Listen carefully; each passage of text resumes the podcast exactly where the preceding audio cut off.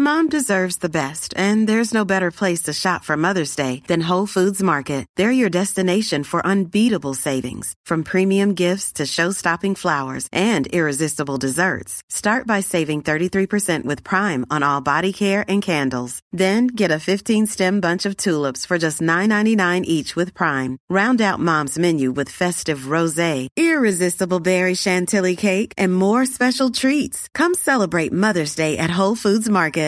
Imagine the softest sheets you've ever felt. Now imagine them getting even softer over time. That's what you'll feel with Bowl and Branch's organic cotton sheets. In a recent customer survey, 96% replied that Bowl and Branch sheets get softer with every wash. Start getting your best night's sleep in these sheets that get softer and softer for years to come. Try their sheets with a 30-night guarantee. Plus, get 15% off your first order at bowlandbranch.com. Code BUTTERY. Exclusions apply. See site for details. When you're ready to pop the question, the last thing you want to do is second guess the ring. At Bluenile.com, you can design a one of a kind ring with the ease and convenience of shopping online. Choose your diamond and setting. When you find the one, you'll get it delivered right to your door. Go to Bluenile.com and use promo code LISTEN to get $50 off your purchase of $500 or more. That's code LISTEN at Bluenile.com for $50 off your purchase. Bluenile.com code LISTEN. Er du klar for pod, Øystein? Jeg er veldig klar for pod. Nå er det på tide igjen, en uke siden sist. Og Ja. eh, tredje årstida på denne uka har inntatt Åsum. Ok. Ja, nå er det regn og høststorm, og min 54 mil oval står ute på gårdstunet. Ja Men- vel. men- Jeg har vært ute i genseren og gravd.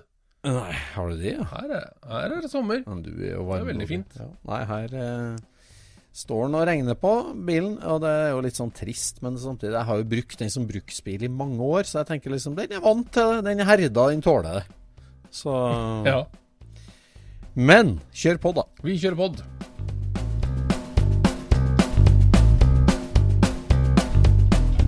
Du lytter nå til Scootspodden, en norsk podkast om klassisk bil med Jon Roar og Øystein.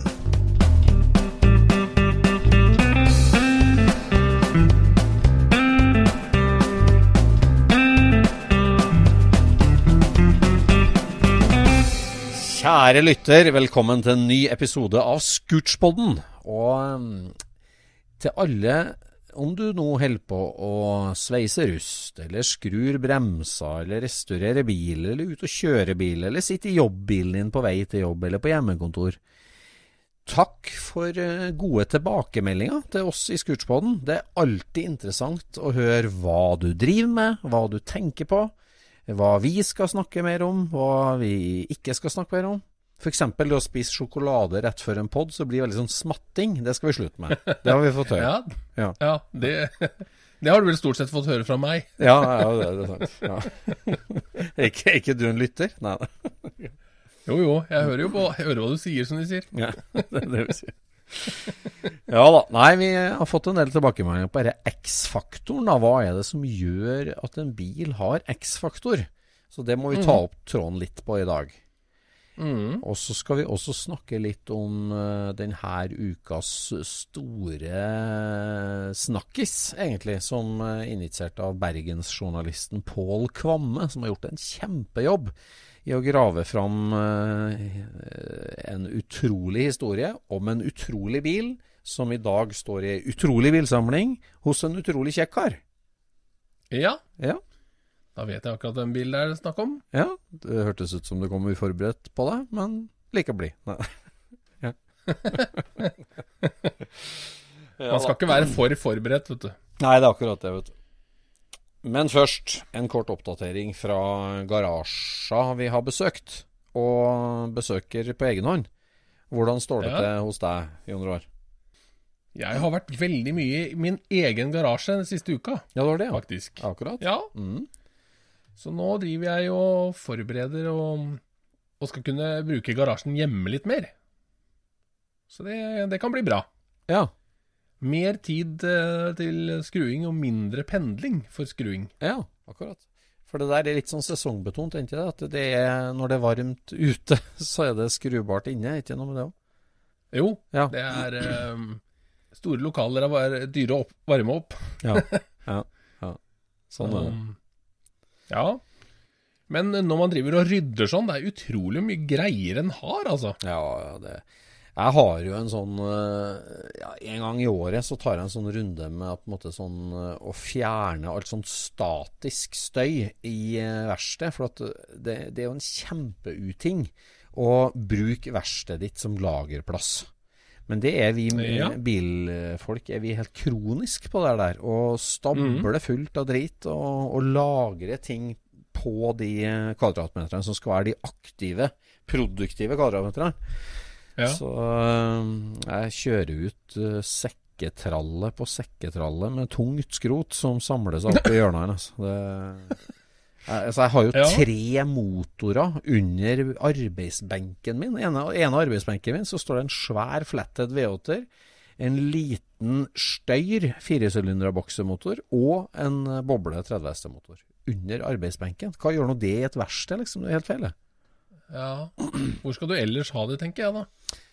Nei, jeg har jo liksom et sånt delelager og et uh, tungdelelager og lettdelelager og ja, litt forskjellig. Så uh, karosseridelelager har jeg òg et rom for, så jeg prøver liksom å sortere det litt, da, men det, det er meningsløst i hvert fall å ha det inn på verkstedet. Men du har sortert det på lageret òg, du, ikke sant? Nei, jeg har jo egentlig ikke det. da Jeg driver jo stadig vekk, da. Jeg har liksom gjort litt mer ut av det nå i siste par restaureringene. At ok, nå trenger jeg en regulator. Ja, da drar jeg ut alle regulatorene jeg har, og så sorterer jeg dem litt, og kaster noen, og selger noen, og sorterer det jeg vet jeg trenger. Så får jeg liksom Mm. oversikt. Men, eh, men det er bare gjort på de siste par prosjektene, at det blir liksom systematisert. Altså, det, det er jo et visst system, det er jo det, men, eh, men lell, så er det Det er mye rot. Ja. Ja, det er mest rot. Men jeg er veldig fornøyd jeg, når at tinga i hvert fall er på lageret og ikke på benken. Ja, det er poeng. Altså. Så skulle man jo egentlig hatt tid til å gå gjennom hele lageret og systematisere det også. Ja. Men det, det får bli seinere, altså. Nei, Det går i faser, hvordan liksom hobbyverkstedet ditt utvikler seg. Det er ikke sånn, Når du først flytter inn, så er du bare så glad over å ha fått deg et verkstedrom. Eh, Det er jo liksom et, et, et krav som mann nærmest er, altså bilinteressert mann, å ha, få seg sin egen hule. Og da snekrer du lett verkstedbenker sjøl, og du tenker ikke så mye på reolsystem og ordnung, for å si det sånn. Du, du er ja, det er verktøytavle, to tom fire arbeidsbenk, og så starter du å rote. Rot Og Rot og rot og rot. Ja. Og så er det jo denne verktøyonanismen som du drar i gang. Du, du blir helt gal etter verktøy. Kjøper mer verktøy, mer verktøy. Jeg må ha engelsk hjul, jeg må ha fres, jeg må ha dreiebenk, og så skal man fylle opp med det. Og så et sånt neste stadie, føler jeg, det er der når du begynner interessere deg i sånn stålreoler, skruehyller, deleskuffer. liksom. Når du begynner Ja, med det, ja, ja. da er du kommet langt altså, i modenheten på verkstedet ditt. Så Ja. Nei, jeg har eh, Jeg har på en måte vært i det samme lokalet siden jeg var 15, vet du. Mm, Men det, da var det jo ikke mitt. Da, var det jo, da lånte jeg det bare. mm, Og da var det jo mer innretta for å fòre kuer enn det var for å skru bil. mm. Etter hvert som liksom tida har gått, så har jeg fått pigga bort disse her fòringstrauet og støpt igjen møkkarenna og alle de tinga her sånn. Og så har det kommet mer og mer i orden. Og det siste framstøtet var jo åtte år siden. Ja, akkurat. Da havna arbeidsbenken på, på rette plassen med min hjelp av min kompis Pål. Mm. Og så fikk vi gipsa taket og gjorde sånn at det slutta å rase halm ned på arbeidsbenken hele tida. Det er sånn demotiverende når du liksom har rydda benken, så kommer du tilbake etter å ha blåst, og så bare Oi, nå er det halm på benken igjen. Det var der du drev og monterte motor, da, vet du? Delt motorblokka, lagerbanen Jo, lå åpen. Jo, jo, jo. Ja. Men det var ikke så ofte det skjedde. Men liksom, du blir liksom demotivert. Det blir jo aldri helt strøken når du bare fortsetter å komme dit. Liksom. Nei, nei, det den. Ser. Ja. Så nå, nå er benken helt tom, og så, eh, så er det jo egentlig sånn at Det er jo nå man skal bygge kjøkkentriangelen. Ja. Så når du planlegger et kjøkken, ikke Ja, sant, den der arbeidstriangelen Ja, ja. eh. Sånn skulle man egentlig gjort i et verst òg, men det blir jo ikke en triangel. Det blir jo kanskje mer som en sånn åttekant, eller noe sånt. Noe hva, hva, hva, eh, hva er de fire Altså, kjøkkenet så er det vask, komfyr, oppvaskmaskin? Nei.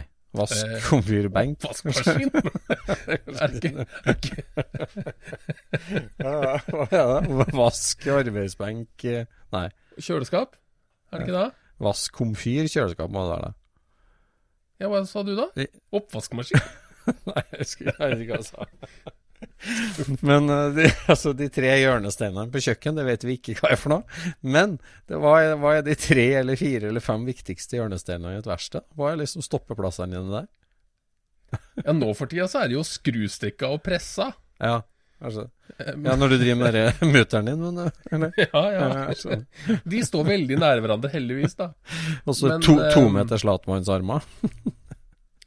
Vet ikke den, ja? Ja, ja, det kan du si. ja. Nei, men altså, du har, du har en del sånne eh, ting, ikke sant. Hvis du har Hvis jeg hadde hatt sveiseapparatet der, så måtte du ha stått i nærheten av eh, der du kan slipe, ikke sant. Båndsliperen og de tinga der. Ja. Hvis, hvis det er sånn du jobber, ikke sant. Når, du må liksom sette ting på plass. Mm. Når du, hvis du holder på med karosseri, så ender du opp med å ha alle tinga rundt deg. Ja. I hvert fall så ender jeg opp sånn. Mm. Og så må du sette alt tilbake på plass igjen etterpå, kan du si. Ja. Det, det er tungt, altså. Ja, Når du veit du skal fortsette dagen etter. Det, er, Ja, det, det det skjer ikke så ofte, altså. Ja, nei, altså Jeg var innom hos uh, min kompis Atle Berg, da. Ja. Så sa jeg det, at nå holder jeg på å rydde benken hjemme. ja. Og han har jo et sånt svært sveisebord som han gjør alle prosjektene på, ikke sant. Og det er jo aldri Det er ikke mye mer enn eh, et A3-ark som er tomt der heller, på en måte. Nei, akkurat. For det blir jo så mange prosjekter, og det tar jo så mye plass, alt sammen. Ja. Det, liksom, det blir sånne svære ikke sant? Der har du jo fire prosjekter gående samtidig, og så står jo de komponentene til alle de prosjektene på, ja. på den benken. Så horisontale flater, det er, eh, Det er det er både bra og skummelt. Ja, veldig, veldig skummelt. Egentlig så skulle man hatt en sånn patinoster, vet du. Vet ikke hva det betyr engang. Ja, det er sånne hyller. Ja, ja, altså som, lagerautomat, for eksempel. ja, ja, som kjører opp og Ikke ned, sånn kjededrivet, ja. Mm. Så på den der menyen da, så kunne du bare trykt inn liksom eh, Ja, girkasseprosjektet. Så kommer Ja. den benken ned. Ja. Men tenk om du hadde kjørt heis for å finne 10 mm-nøkkelen da. Det hadde ikke vært så veldig gøy. Ja, jeg har sett etter sånn og jeg tenker på at det måtte vært så lekkert å ha hatt liksom ei hylle eller to hyller per prosjekt, liksom, da. Når du driver og samler mm. til bil, og eksteriør og interiør og forskjellig. Det er, det er faktisk en ganske stor overkurs. Altså. Det, det er heftig. Ja, det er heftig. Hvis en begynner med det, det er kult, altså. Det, det er kult, ja. Det er det. Ja, Hva er liksom det viktigste Altså, det er jo altså, Skrustikka er jo en veldig Det er som oppvaskmaskina i et kjøkken. Altså, skrustikka er sentral uansett hva du driver med. Ja, men det er den jo. Det, det er rart, egentlig, jeg, men, men det er sånn. Og, og sånn tror jeg Ja. det har vært. Altså, det er jo litt rart, for det henger jo med helt siden liksom Altså, smed og smia omtrent. Så var jo liksom Men greia med skrustikka er jo Det er jo din tredje hånd. Ja, det er jo det. Mm. Det er jo din tredje hånd. Altså selvfølgelig eh, er den viktig. Ja. Den gjør at du har to hender fri, rett og slett. Ja. Ja. Min gamle arbeidskollega Martin Evju har jo en skrustikke som er eh, Står på et stålrør som er forankra til grunnfjell og fylt med betong for at det skal sitte ordentlig fast. Så, hvordan sitter skrustikka di fast, Øystein? Nei, den sitter Den er jo skrudd med i arbeidsbenken, da. Den har en sånn stålrammebenk, ja, gammel montasjebenk fra Think-fabrikken. Er Som er sveisa opp i sånn, ja, hva er det? 40-40 rør? 30-30 rør, kanskje? Firkantrør. Ja. Og så er det sånn forskalingsplate på toppen, og da er skrustikka skrudd eh, inn med to kjempebolter. Mm. Men eh, altså du Skrustikka mi sitter fast i en gammel arbeidsbenk fra et laboratorium på Esso Slagentangen. Gjør det? Sånn. Men du tar i så du flytter hele benken hvis du vil. Ja, det er jo det som er problemet, vet du. Når benken er tom, da er den ikke tung nok. Nei, nettopp. Jeg skjønner. Jeg skjønner. Nei, jeg må nok, jeg må nok få satt det fast eh, bedre, egentlig. Altså. Men det er jo ikke så ofte at jeg bruker så voldsomme krefter på den, egentlig. Men den er veldig viktig, altså. Den Ja, er det. veldig riktig. Ja, jeg drev jo og demonterte den forstillinga mi her med trommelen som var fastrusta og greier og brøyt og skar og brøyt og herja. Da, da fikk en gjennomgå hele benken, ja, via skruestikka. Det- Da Ja. dro Ja, ja, ja.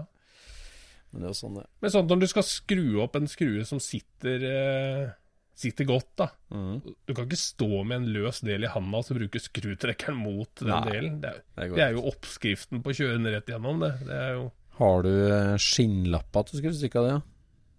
det har jeg ikke. Nei. Det har jeg ikke. Det lagde jeg meg på Jeg husker ikke hva vi holdt på med da, om det var fordeler eller hva søren det var. Men da fikk jeg tak i sånn skikkelig tjukt, knallhardt skinn som jeg liksom har to sånn vinkler jeg kan legge på da, for å holde fast Ja. ting. Og det, det funker veldig bra, altså. Da, Ja. da kan du holde fast ting som du egentlig ikke tør å holde fast. For å si sånn.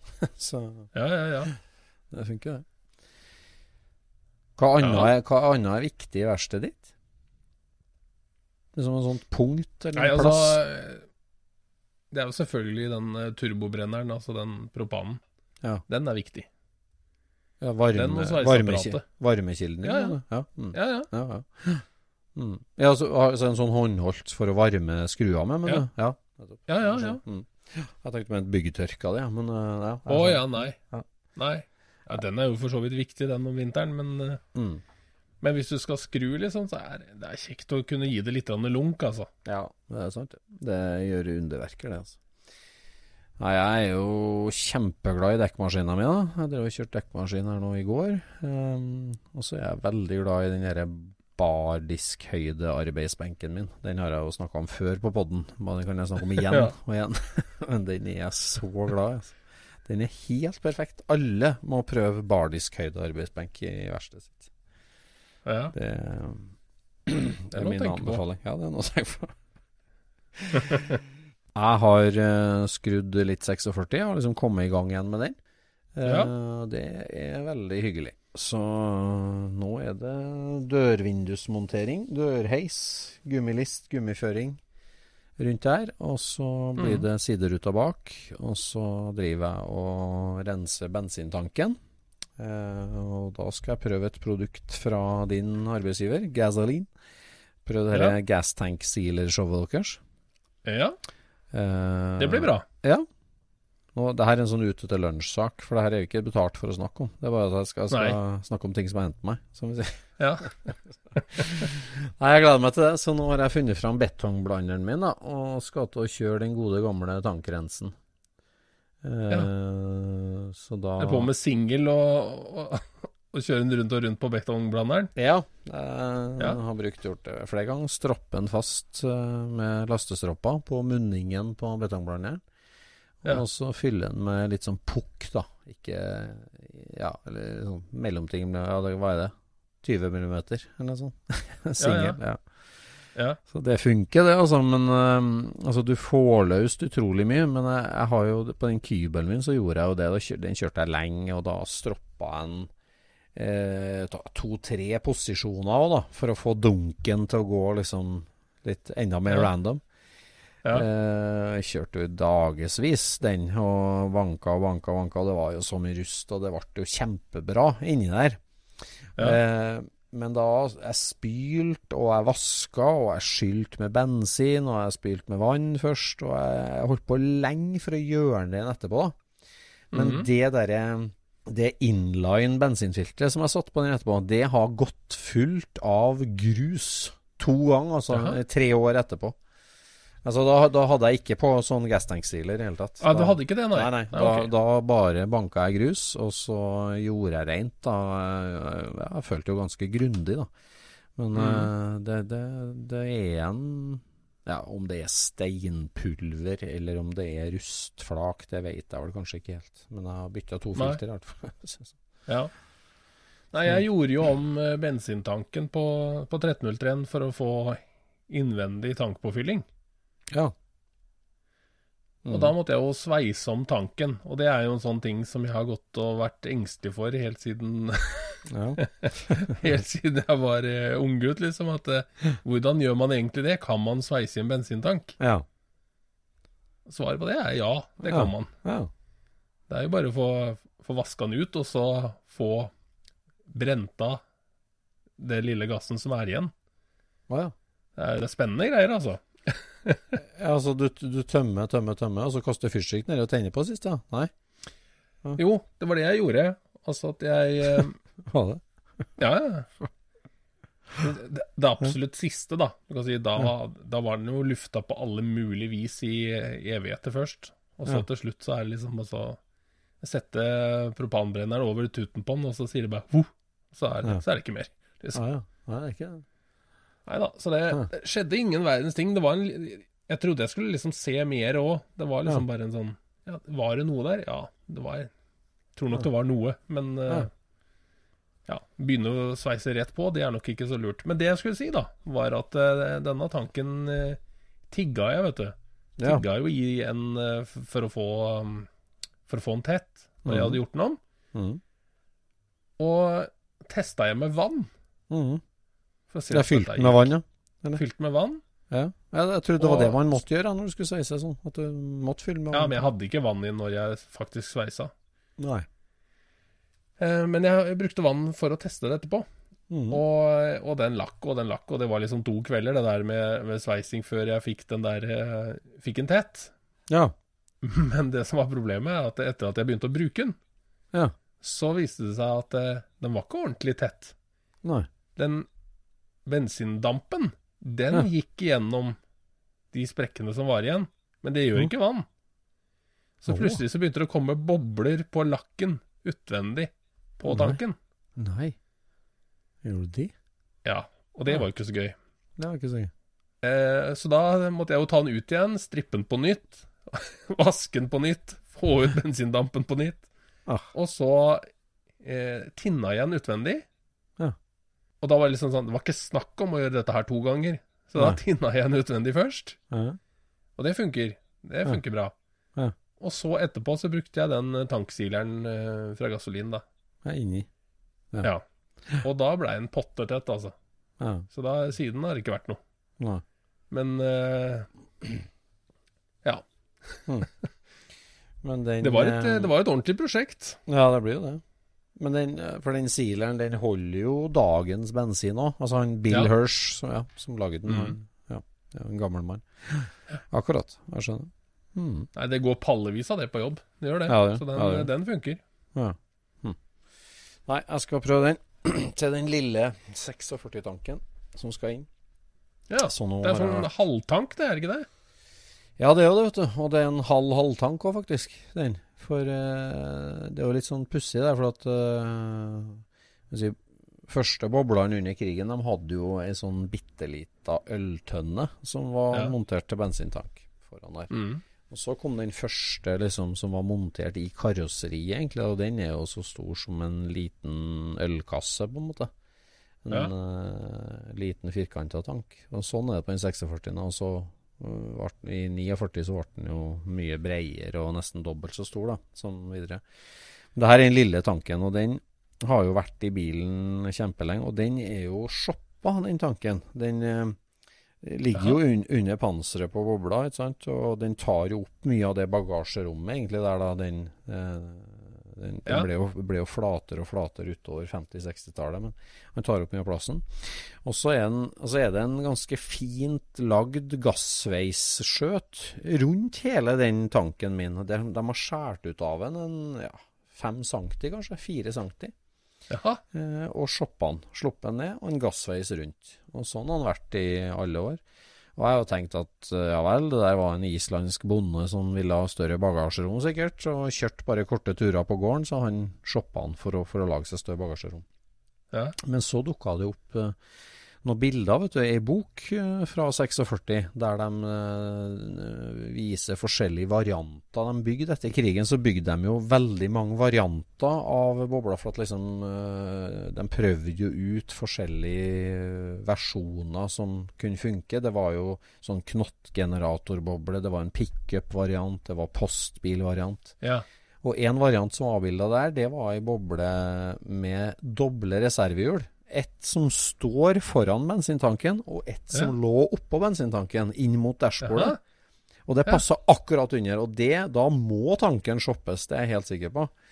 Eh, eller det må den for å få plass til et reservehjul. Så nå går jeg jo liksom og drømmer om at det her er en av de der eh, prototypene eller testbilene for det. da. så jeg har ennå ikke prøvd det. Jeg, har ikke, jeg, har ikke mont, jeg må montere tanken, jeg må sette inn reservehjul og prøve et annet reservehjul oppå, da, om det da går under eh, panseret. Ja. En ting som er rar med den der, rart med den tanken, er at eh, du kan eh, Når du ser en sånn seinere 50-talls eh, eller en seinere enn det òg, 50-60-tall, eh, så, så ser jo tanken helt naturlig ut. Mm. Eh, mens den 46-en, den har jo en Mm. asymmetrisk, mm. avkappa Mm. 50-tallstank. Ja, ja. Til tross for at den er før ute. Ja. Veldig rart at, det, at de kunne ende opp med det der. Altså At de ikke satte den midt i, f.eks. Ja. Nei, det er jo for å klarere eh, rattstammen. Ja, Styresnekka eh, og, og Ja, styresnekka og rattstammen. Ja. For de, de, de, de lagde den jo bare som en firkanta kloss, liksom. Og så dytta den oppi der. Så. Men ja. ja, jeg er helt enig. Det, den er litt rar. Men eh, nå har jeg jo egentlig prøvetur i sikte, altså. Første jeg har ikke bestilt visning på Vildisunderen, ja, men eh, det nærmer seg. Mm. Ja. Så det blir artig. Jeg går og trenerer og, og tar tak i 1303-en, ja da. Ja. I en eller annen grunn så har jeg ikke lyst til det. Nei, skjønner. skjønner. Nei, men altså det å få uh, nylakkert bil og første og andre prøvetur er jo forbundet med noe trist for deg egentlig da, etter motorbrannen. Så Ja, ja. du vil jo ikke havne der igjen. Du støter unna det antagelig. Nei, det er jeg ikke redd for. Det er bare at eh, det er et annet amaras som du må begynne på. Og akkurat nå så har jeg så mange andre prosjekter, så da Ja. Ja. Det burde jo egentlig vært prioritert, men uh, jeg tar meg i å ikke gjøre det. Ja, nei, det er noe med det. det, er noe med det. Yes. Dagens, eh, et av dagens uh, hovedtema, det var jo en av uh, en veldig spennende norsk bilhistorie som uh, har blitt eh, ikke, Altså, det er jo ikke katta ut av sekken, for det her har vært en kjent historie for mange i mange år. Men eh, de siste, siste månedene så har det ulma veldig rundt det der, og det er en en journalist i Bergens Tidende, Pål Kvamme, en glimrende journalist, også forfatter av den norske Trollboka, altså bilen Troll, som da har sluppet denne storyen om uh, Owen Magnetic-bilen som var i Norge, den eneste, og som nå står i samlinga til Jay Leno. Det er en Ja. dritkul historie, altså. Ja. Det må jeg si. Har du um... Han, han, eh, jeg har jo sett uh, Jay Leno kjøre rundt i den bilen, Ja, du har det? men han eh, gjør veldig lite poeng av at den kom fra Norge. Eh, ja, altså det der er jo en av de bilene En av de gamle bilene som han eh, kjører en del med. For han har, han vært på flere som Cars and Coffee med når han kjører rundt. For klart han har jo mange sånn Pebble Beach-standardbiler som han Mhm. ikke kan drive og kjøre rundt med. Men det her er en av de bilene som er liksom litt kjørbar, og som er en sånn type restaurering at det går an å bruke den da, litt. Ja. Så han har brukt den ganske mye. Eh, Mhm. Og det er jo en, en utrolig historie, altså, med, med denne bilen. Og det, han har jo Altså, Jay Leno har jo vært på telefon med vår venn i Bergen en fire-fem ganger nå de siste par månedene. Ja eh, og snakka med han, så han er jo i ekstase, Jay Leno, over det som nå har liksom blitt rulla ut i Norge. da. Altså om historien eh, til denne bilen, for han var bare vaguely kjent med den historien. Han har jo til og med sagt at den kom fra Sverige med et par anledninger. Men, okay. Men nå er han også veldig For det har jo dukka opp mye bilder av han og alt sammen, så det er en veldig artig historie, altså. Ja. Det er en artig bil òg, da.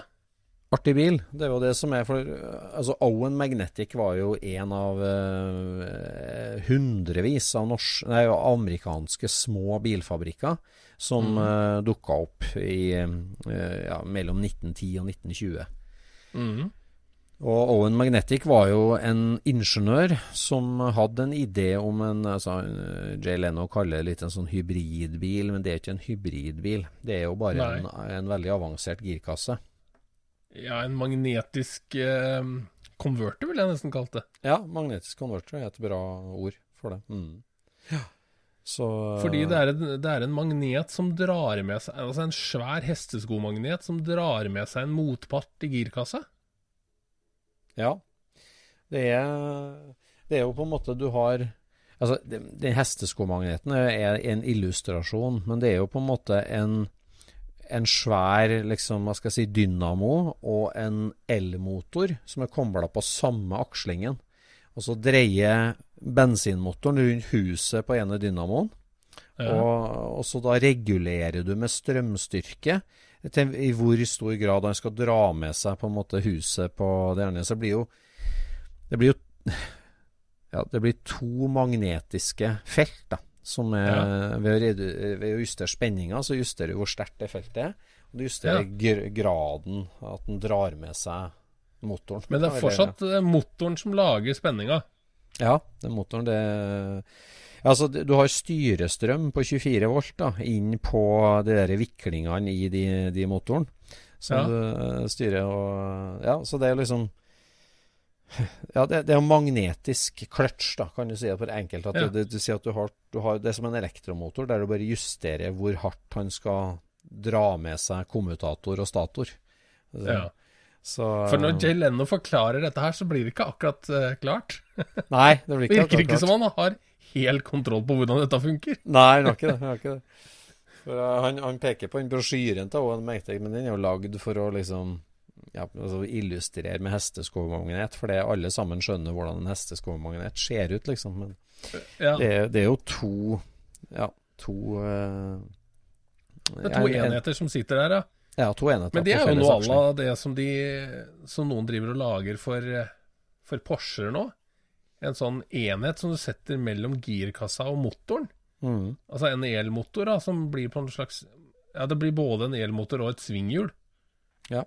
Ja. Som kan hjelpe deg i startøyeblikket, og som kan regenerere når du skal motorbremse. Ja, ja.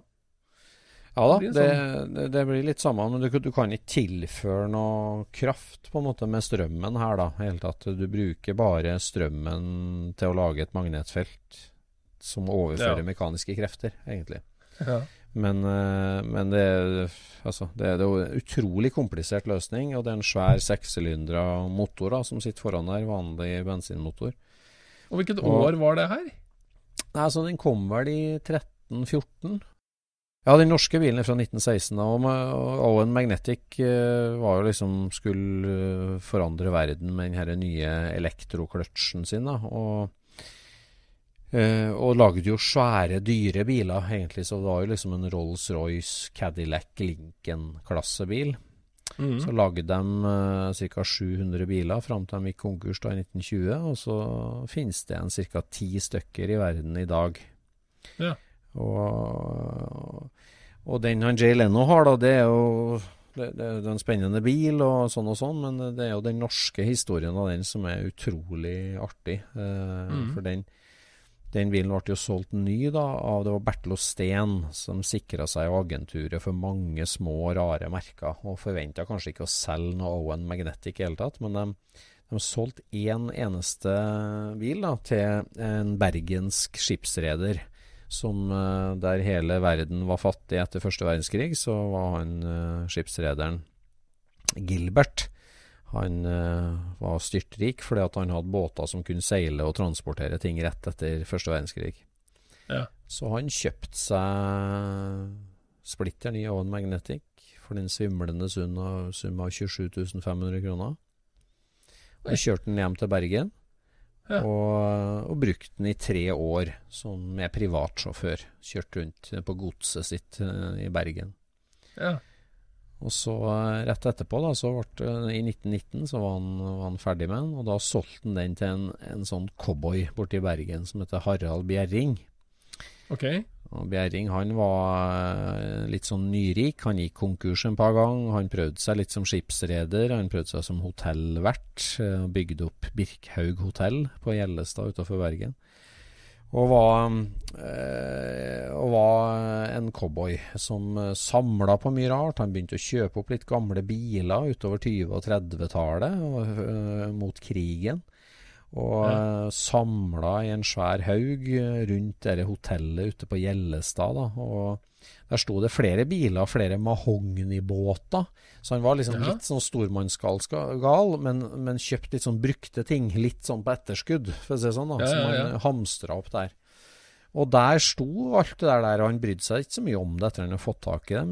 Den sto der, og der sto han altså fra Han, han slutta å bruke bilen han da i, på, tidlig på 30-tallet, og da ble han parkert der, og sto der gjennom hele krigen òg, altså andre verdenskrig. Men sto det ute eller inne, eller åssen var Den sto i et skur, den her Owen Magneticen, da. Men det var flere biler som sto ut rundt det der hotellet, og det var naboer som klagde på det, og mange lo av det. og Han ble jo en litt sånn eksentrisk, spesiell kar, han Bjerring etter hvert, da. Ja. Eh, og han sa det da til folk som prøvde seg der. Det var jo altså bl.a. brødrene Kile nede i Kristiansand som var veldig tidlig bi veteranbilsamlere. De var der allerede tidlig på 60-tallet og prøvde å kjøpe den bilen. og De kjøpte noen andre biler av den, men Owen Magneticen det var den eneste som sto innendørs. Og han eh, Bjerring sjøl sa jo at det her er en sjelden bil, den her skal jeg ha masse penger for. Mye mer Ja. enn Kile-gutta som kjøpte jo Packarder og Cadillacer og forskjellig. Men det her var jo en litt sånn udda og rar bil. altså Den ble stående i det skuret, den bilen der. Ja. Eh, og sto der oppover 50-60-tallet, og så skjer jo det helt utrolige at eh, at uh, det er en, en amerikansk arkitekt som er veldig kjent. altså Han jobba jo med Frank Lord Wright, han legendariske arkitekten. Og han arkitekten her er Daniel Liebermann. Og Daniel Liebermann han er kjent, det er lagd film om Daniel Liebermann. Og han tegna veldig mye sånn symbolbygg i USA oppover på rett etter krigen. I. Også i 1967 så fikk han altså tilbud om å være gjesteforeleser på den eh, sagnomsuste skolen i Trondheim, NTH. Aha. Så han reiste fra New Jersey og opp til Trondheim og var gjesteprofessor på arkitektskolen i Trondheim i 1967. Ja. Og Daniel Liebermann han var veldig bilinteressert, og antagelig en veldig tidlig sånn veteranbilpioner i USA. For det var ikke så mange som samla veteranbiler aktivt på 60-tallet i USA. Men det Nei. gjorde han. Og han brukte all sin ledige tid i Trondheim og Norge på å prate om gammel bil og lete etter gammel bil. Og det er klart at eh, altså da, da drev jo faren min òg og jakta gamle biler i Trøndelag i 67-68. Og der var det veldig mye Ford og T-Ford og ganske ordinære biler. Ja.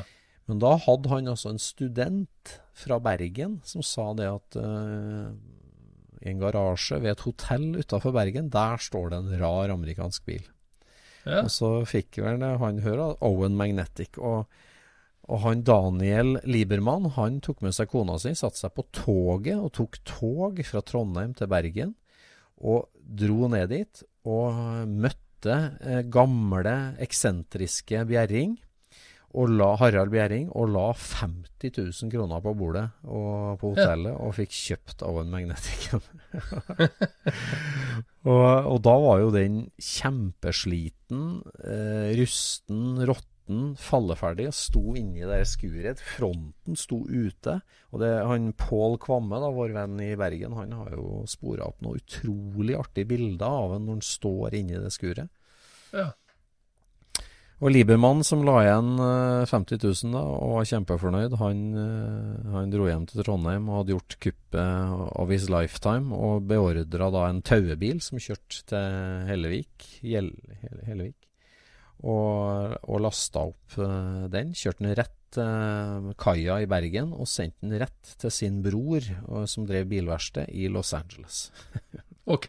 Så, Så sånn havna han der, og der var han da i eh, bare 10-15 år, før Jay Leno kjøpte den. Det var mens Jay Leno var ung. Altså Han har hatt den i nesten 30 år, han Jay Leno. Ja. Så han kjøpte den eller halvrestaurert. Altså det var nok en veldig eksotisk bil i Los Angeles-miljøet òg, altså oppover si 70-80-tallet. da. ja. Eh, og så Jay Leno restaurerte den ferdig, og har den i dag å kjøre med den og bruke den. Og det er jo så kult altså at den har stått der. Jeg elsker den NTH-delen av historien. Ja. Så ja, så kult. ja, veldig artig. Så, Jay Leno er altså Han holder seg ung, altså. Når jeg ser Nå har han jo lagt ut en ny video om den bilen da, etter de bildene dukka opp fra Norge og sånn. Ja. Og han er energisk og ivrig og kunnskapsrik, altså. Ekte entusiast. Det må jeg si. ja, det er han. Det er han jo. Det er, det er ingen tvil om. Jeg hører jo en del på andre podder som, eh, som er i samme område som han, og de, ja. de bruker jo han som en sånn restaureringsressurs. Ja, De reiser bort til han, liksom. Og, og han er der hver lørdag, liksom. Så eh, ringer de bort der, og da er det han som tar telefonen, liksom. Nei, er det Da er han i, da er verkstedet der, sånn, og da holder de på. Så det er bare å komme bort med det de har problemer med, og så har de jo De har jo 3D-skannere, de har 3D-printere, de har all verdens, ikke sant. Ja. Han har jo flere ansatte som, eh, som flyr der borte og, Ja, det og restaurerer bil, ikke sant. ja, imponerende. Men han er der sjøl og skrur, Ja, liksom. ja, Det er ganske kult. det er veldig kult, og det er tommel opp. Alvorlig. Det er helt sikkert. Ja. Ja da. Ellers, apropos andre podder, så hørte jeg Wayne Carinis uh, drømmegarasje her på Collector Car Podcast forleden. Uh, han okay. har eksklusiv bilsmak, eh, Wayne Carini. ja, det vil altså. jeg tro. Det Topp ti. Det var, det var ikke noe kødd. Han starta med Ferrari 250 short wheelbase og slutta med Ferrari F40, vel. Uh, Ja. Så var det alt mulig imellom der. Men det jeg Er ikke det si butikken hans heter, det da? F40 heter det ikke? Jo, gjør det. Gjør det. Hans det? Ja. Men det som, eh, som han snakka mye om, da, det er jo på en måte hvor utrolig bra bilhobbymarkedet har klart seg gjennom pandemien.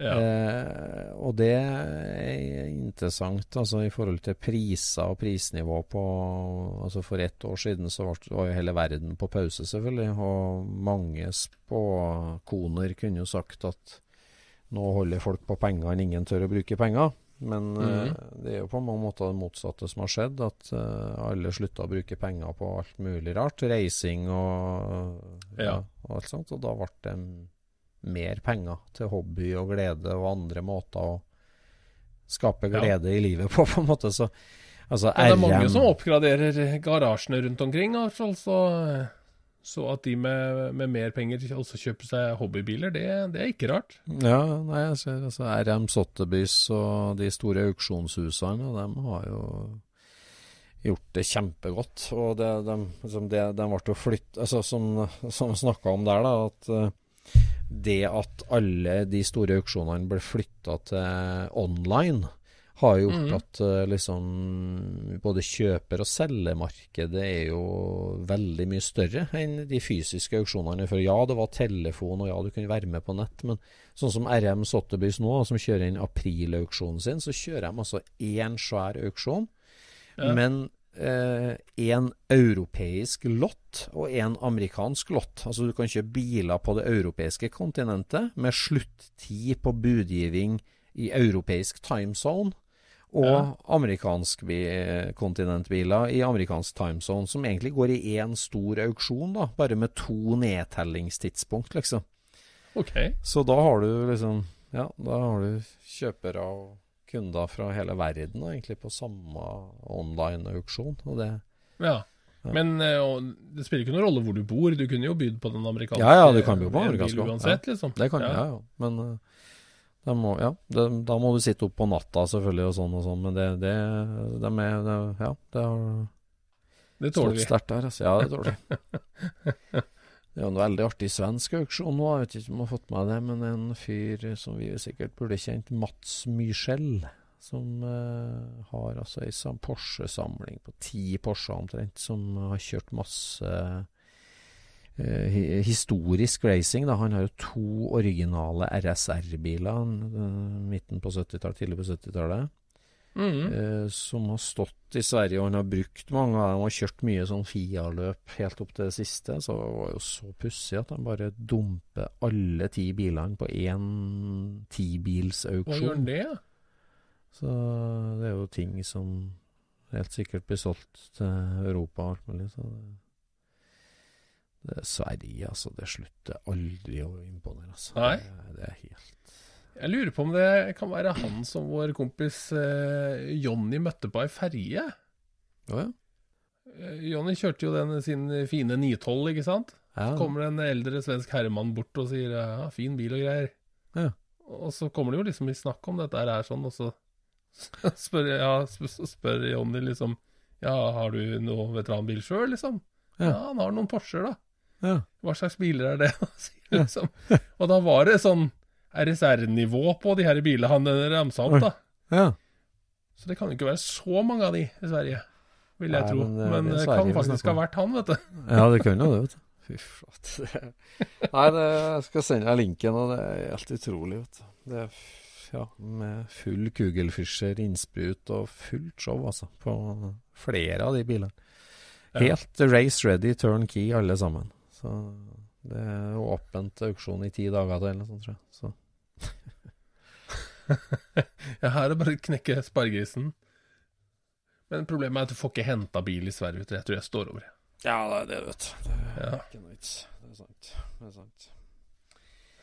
Nei, men ellers så har vi jo gjort Vi har jo Vi er veldig fornøyd med at vi har hatt uh, fått en del sånn patrons som er med å støtte Scootspoden. Ja, Det er vi jo veldig glad for. Veldig. Og nå har vi jo greid å spare opp penger til å kjøpe oss en tredje mikrofon. Ja, Og det er jo litt En sånn omreisende mikrofon. Omreisende mikrofon. Mhm. Det Speakers må vi- corner. Det må vi snakke litt om, for at uh, vi har jo fått et og i, I pandemitider så har vi jo fått til at vi sitter eh, på, på fjernopptak og tar opp live, men tar opp lokalt og sånn. Mhm. Og det funker jo helt topp via videoskjerm. Og, det skal vi òg gjøre med gjester nå, har vi tenkt at vi sender den herre tredje mikrofonen rundt om i landet. Mm. Og så rigger du deg opp. Da må du ha en PC, bærbar PC, og så må du ha en FaceTime-funksjon. Ja, enten det eller Teams eller noe sånt noe. Eller Teams, eller et eller annet. Og så må du ha noen ørepropper. Ja. Og fibertilgang, antagelig. Ja. Ja. Og det, det har vi jo veldig trua på. Det er en veldig sånn koronavennlig måte å få mange gjester på. Ja, og så skal vi jo benytte oss med av eh, alle disse entusiastene vi kjenner som bor i langt vekk fra oss, da. Som Ja. er vanskelig for å møte opp en fysisk pod. Ja, det er jo ikke bare korona egentlig det her er bra for. Det, ja, det gjør at vi slipper Det er klart det er alltid bedre å møtes face to face, men så lenge man ser hverandre, så, så er vi veldig spent på om vi skal få, få til det der, altså. For eh, Ja. nå er mikrofonen hos første gjest, og så skal vi sende den videre. Så har du forslag og tips, eller har lyst til å ta imot mikrofon, så er vi klar, altså. ja. Det blir spennende å se åssen den dynamikken der fungerer. Ja, det blir det, altså. Kjøpte du liksom med stativ og fullt show, eller? eller, eller Ja, det er jo kjedelig å sitte og holde den mikrofonen. Ja, det blir så bra, det. Det blir så bra. Jeg gleder meg til Ja, ja. Ja. ja det det kan bli en, eh, bli en artig eh, sak, det. Ja, ja, det blir det, altså. Det gjelder jo ellers eh, altså Hvis du har innspill til podden, eller folk vi bør besøke på sikt, eller garasjer, eller tema og ting vi skal ta opp, så må du si fra. Mm. Og så gjerne skrive noen eh, gi, oss, gi oss noe feedback på podcaster. Hvis Ja. man er på Apple-plattformen, eller på, på Spotify. Ja. Gi, Gi oss sånn noe rating. feedback, liksom. Sånn Ja. rating som, Ja. eh, som kan liksom eh, hjelpe oss litt med, med, med spredninga, da. Ja. Men spredninga er jo egentlig Fungerer egentlig best at du forteller kompisene dine. Ja, det, Hvis du kjenner noen som eh, kan være interessert. Ja, det er viktig. Det er bare å tipse om Scootspoden. Og så garanterer vi at det blir breiere framover enn det har vært nå i, i, i den hardeste koronatida. Ja, nei, vi tar eh, smittevern på alvor, så vi drar ikke med oss eh, mikrofoner rundt til fremmede nå. Nei, vi gjør ikke det. Da er det bare å holde seg i garasjen. Ja. Jeg så en sånn Facebook-tråd som gikk på samarbeid mellom bilfabrikker. Ja, mm, ja den så jeg. Ja. RS2, Audi, Porsche. Ja. Ja. Den er jo veldig interessant, den Audi-collaboration der. Mm. Men så var det to biler der som er sånne mm, få ned gjennomsnittsutslippet på fabrikken din-show, og det er jo Ja. sånn ja. Det er vi ikke synes. En Toyota IQ med, med Aston Martin badge, liksom, ja. Ja. Det var vel ikke for at de to begge skulle bli bedre, på et vis. Eh, Men, Ja. men eh, en bil som ligner på det, men som Mm. ikke er helt det, er Mm. Mercedes 500E. ja. Mm. Det husker jeg vi så på S-en for noen år siden. Ja, stemmer. Mm. Og det ser jo ut som en helt vanlig Mm. W124. Ja, heter den det? Ja, det er jo sånn norsk taxi. Ja, eller Ja, den, Ja. ja. relativt eh, vanlig norsk taxi, kan du si. mm. Eh, den blei jo bygget av Porsche for Mercedes. Mm. Og da er det mange som tror at dette var et samarbeid mellom Mercedes og Porsche, men det var det ikke. Det var en sånn praktisk greie. De, den er bredda. Ja. Den er bredda både foran og bak. Ja. Eh, og det gjorde at den ble for brei for produksjonslinja til Mercedes. Oh. Og Porsche hadde jo pengeproblemer på den tida, så de Ja. sendte råkarosseriene bort til, til Porsche. Men det begynte faktisk før det òg, fordi at Ja. de skulle konkurrere med Lexus. Så Mm. da måtte de sette den største V8-eren sin i det karosseriet for å konkurrere med Lexusen. Ja. Og det var det rett og slett ikke plass til, for den var jo bygd for, eh, for firere og seksere, vet du. Så det var for trangt mellom rammevangene. Så da kontakta de Porsche, så fikk de Porsche til å, til å konstruere og gjøre om rammevangene, altså sånn planlegge det, da. Ja. Gjøre om rammevangene, flytte torpedoveggen, Ja. sånn at den svære motoren gikk ned i den bilen. Og så, etterpå, så fikk de da jobben med å bygge om biler, fordi at produksjonslinja var for smal hos Mercedes. så den blei da, ble da bygd om hos, eh, hos Porsche, og så gikk den til Mercedes etterpå for lakkering. Ja. Og så ble den sendt tilbake til Porsche for at de skulle da skru på alle detaljene. Og så gikk den til Mercedes igjen for å kontrollere kvaliteten. Så de tok, brukte 18 dager på å bygge de bilene. Fins det noen sånne i Norge, tror du? Jeg så det var en som eh, lå til salgs eh, for noen år siden. Ja, det, Eh, og det var solgt to stykker nye i Norge. ja. Så den er nok ikke så grusomt vanlig. Fy. Men det er jo en ganske rå bil, vet du. Ja, det er rå bil, altså. Det er skikkelig rå bil. Men det, det er liksom det er, Den er jo ikke Porsche Det er ikke et Porsche-samarbeid. Det var jo bare at Porsche Nei. løste en del ting for Mercedes, liksom. Ja. Men Nei, det blir Kul jo bil og helt utrolig sliper, liksom. Det, det ser du ikke på den, altså. Nei, det er ikke det. Nei, det blir jo Ja, skal du si Men det blir jo ikke samme likevel. Men altså, tenk på Porsche Boxster, da. Som ble bygd eh, av Valmet i eh, Finland, alle sammen. Ja, Det, ja. det Alle ikke sammen? Er alle sammen bygd der? Nei, fram til 20 Ja, fram til 2009, kanskje? Ja, jeg Ja. tror var ca. 2009 det ble slutt. Ja. Så ja, det første året Første året var i Tyskland, og så var det der fra 99 til 2009, kanskje. Ti år. Ja, det er, jo ikke, det er jo ikke et samarbeid mellom altså, Det er jo ikke en Valmet Porsche. Det er jo bare at produksjonskapasiteten var der, for å si det sånn. Så, Ja, for Valmet Porsche, det, det ringer litt dårlig i ørene, egentlig. ja, det blir litt sånn Setor Corvette, ja. ja, ja. Nei. Altså, da, det er jo en bil å følge med på det òg, da. Altså, den, eh, den får sikkert en, eh, en liten stjerne i, i margen, den Mercedesen, i, om ti år, for å si det sånn. Den har jo allerede det, ja, det er jo en hot potato til gangs. Altså, ikke Folk gikk jo ring rundt den som sto i bakgården på S-en, husker jeg. Så det, det er jo en Ja, men så Den, den kosta 1,6 ny i Norge. Ja. Og den som lå til salgs for et par år siden, den lå til 350 000 ca. Nei, gjorde den det? Jo. Og da mener jeg her er det rom. Ja, der er det rom. Det skal jeg love. Nei, kjøp og salg, det er, det er noe veldig godt med det. Altså, det, det er vondt å bruke penger og kjøpe ting av og til, men så gir det enorm glede, selvfølgelig. Men det er òg godt å selge litt, altså, av og til. Jeg har jo solgt Ja litt skrot og deler i siste, og sånt, og det, det er godt, altså. Det, for at det går jo så mye ut til å kjøpe prosjekt og bygge prosjekt og sånn. Altså, det er jo Ja. sånn at jeg drar fram noen liksom OK, dynamoer. Så liksom OK, jeg har 60 dynamoer. De ti der, de er så nye at jeg kommer aldri til å bruke dem. De her er så dårlige at jeg kommer aldri til å bruke dem. Men her er det liksom ti jeg kan selge, så kan jeg sitte igjen med 30. Det, det er greit, liksom. Jeg kommer aldri til å bruke mer enn det. Og det er jo liksom bare dødt jern som har, du har flytta på og lempa på i 20 år, og plutselig så Oi, penger på konto. Det er hyggelig. Ja.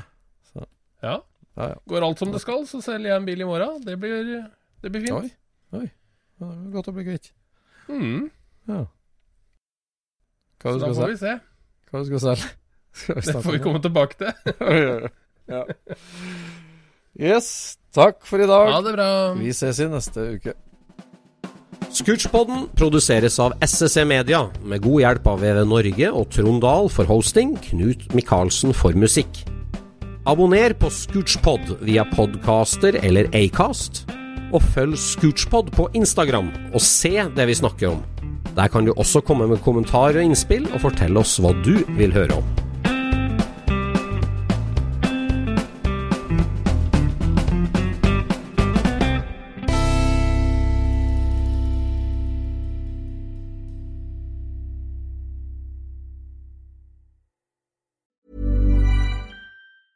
Hey, it's Danny Pellegrino from Everything Iconic.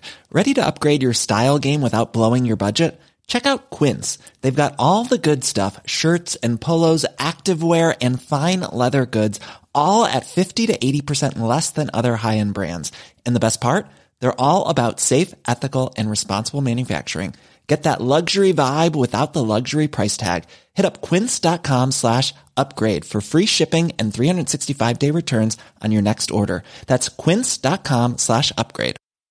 Mom deserves the best, and there's no better place to shop for Mother's Day than Whole Foods Market. They're your destination for unbeatable savings, from premium gifts to show-stopping flowers and irresistible desserts. Start by saving 33% with Prime on all body care and candles. Then get a 15-stem bunch of tulips for just $9.99 each with Prime. Round out Mom's menu with festive rosé, irresistible berry chantilly cake, and more special treats. Come celebrate Mother's Day at Whole Foods Market.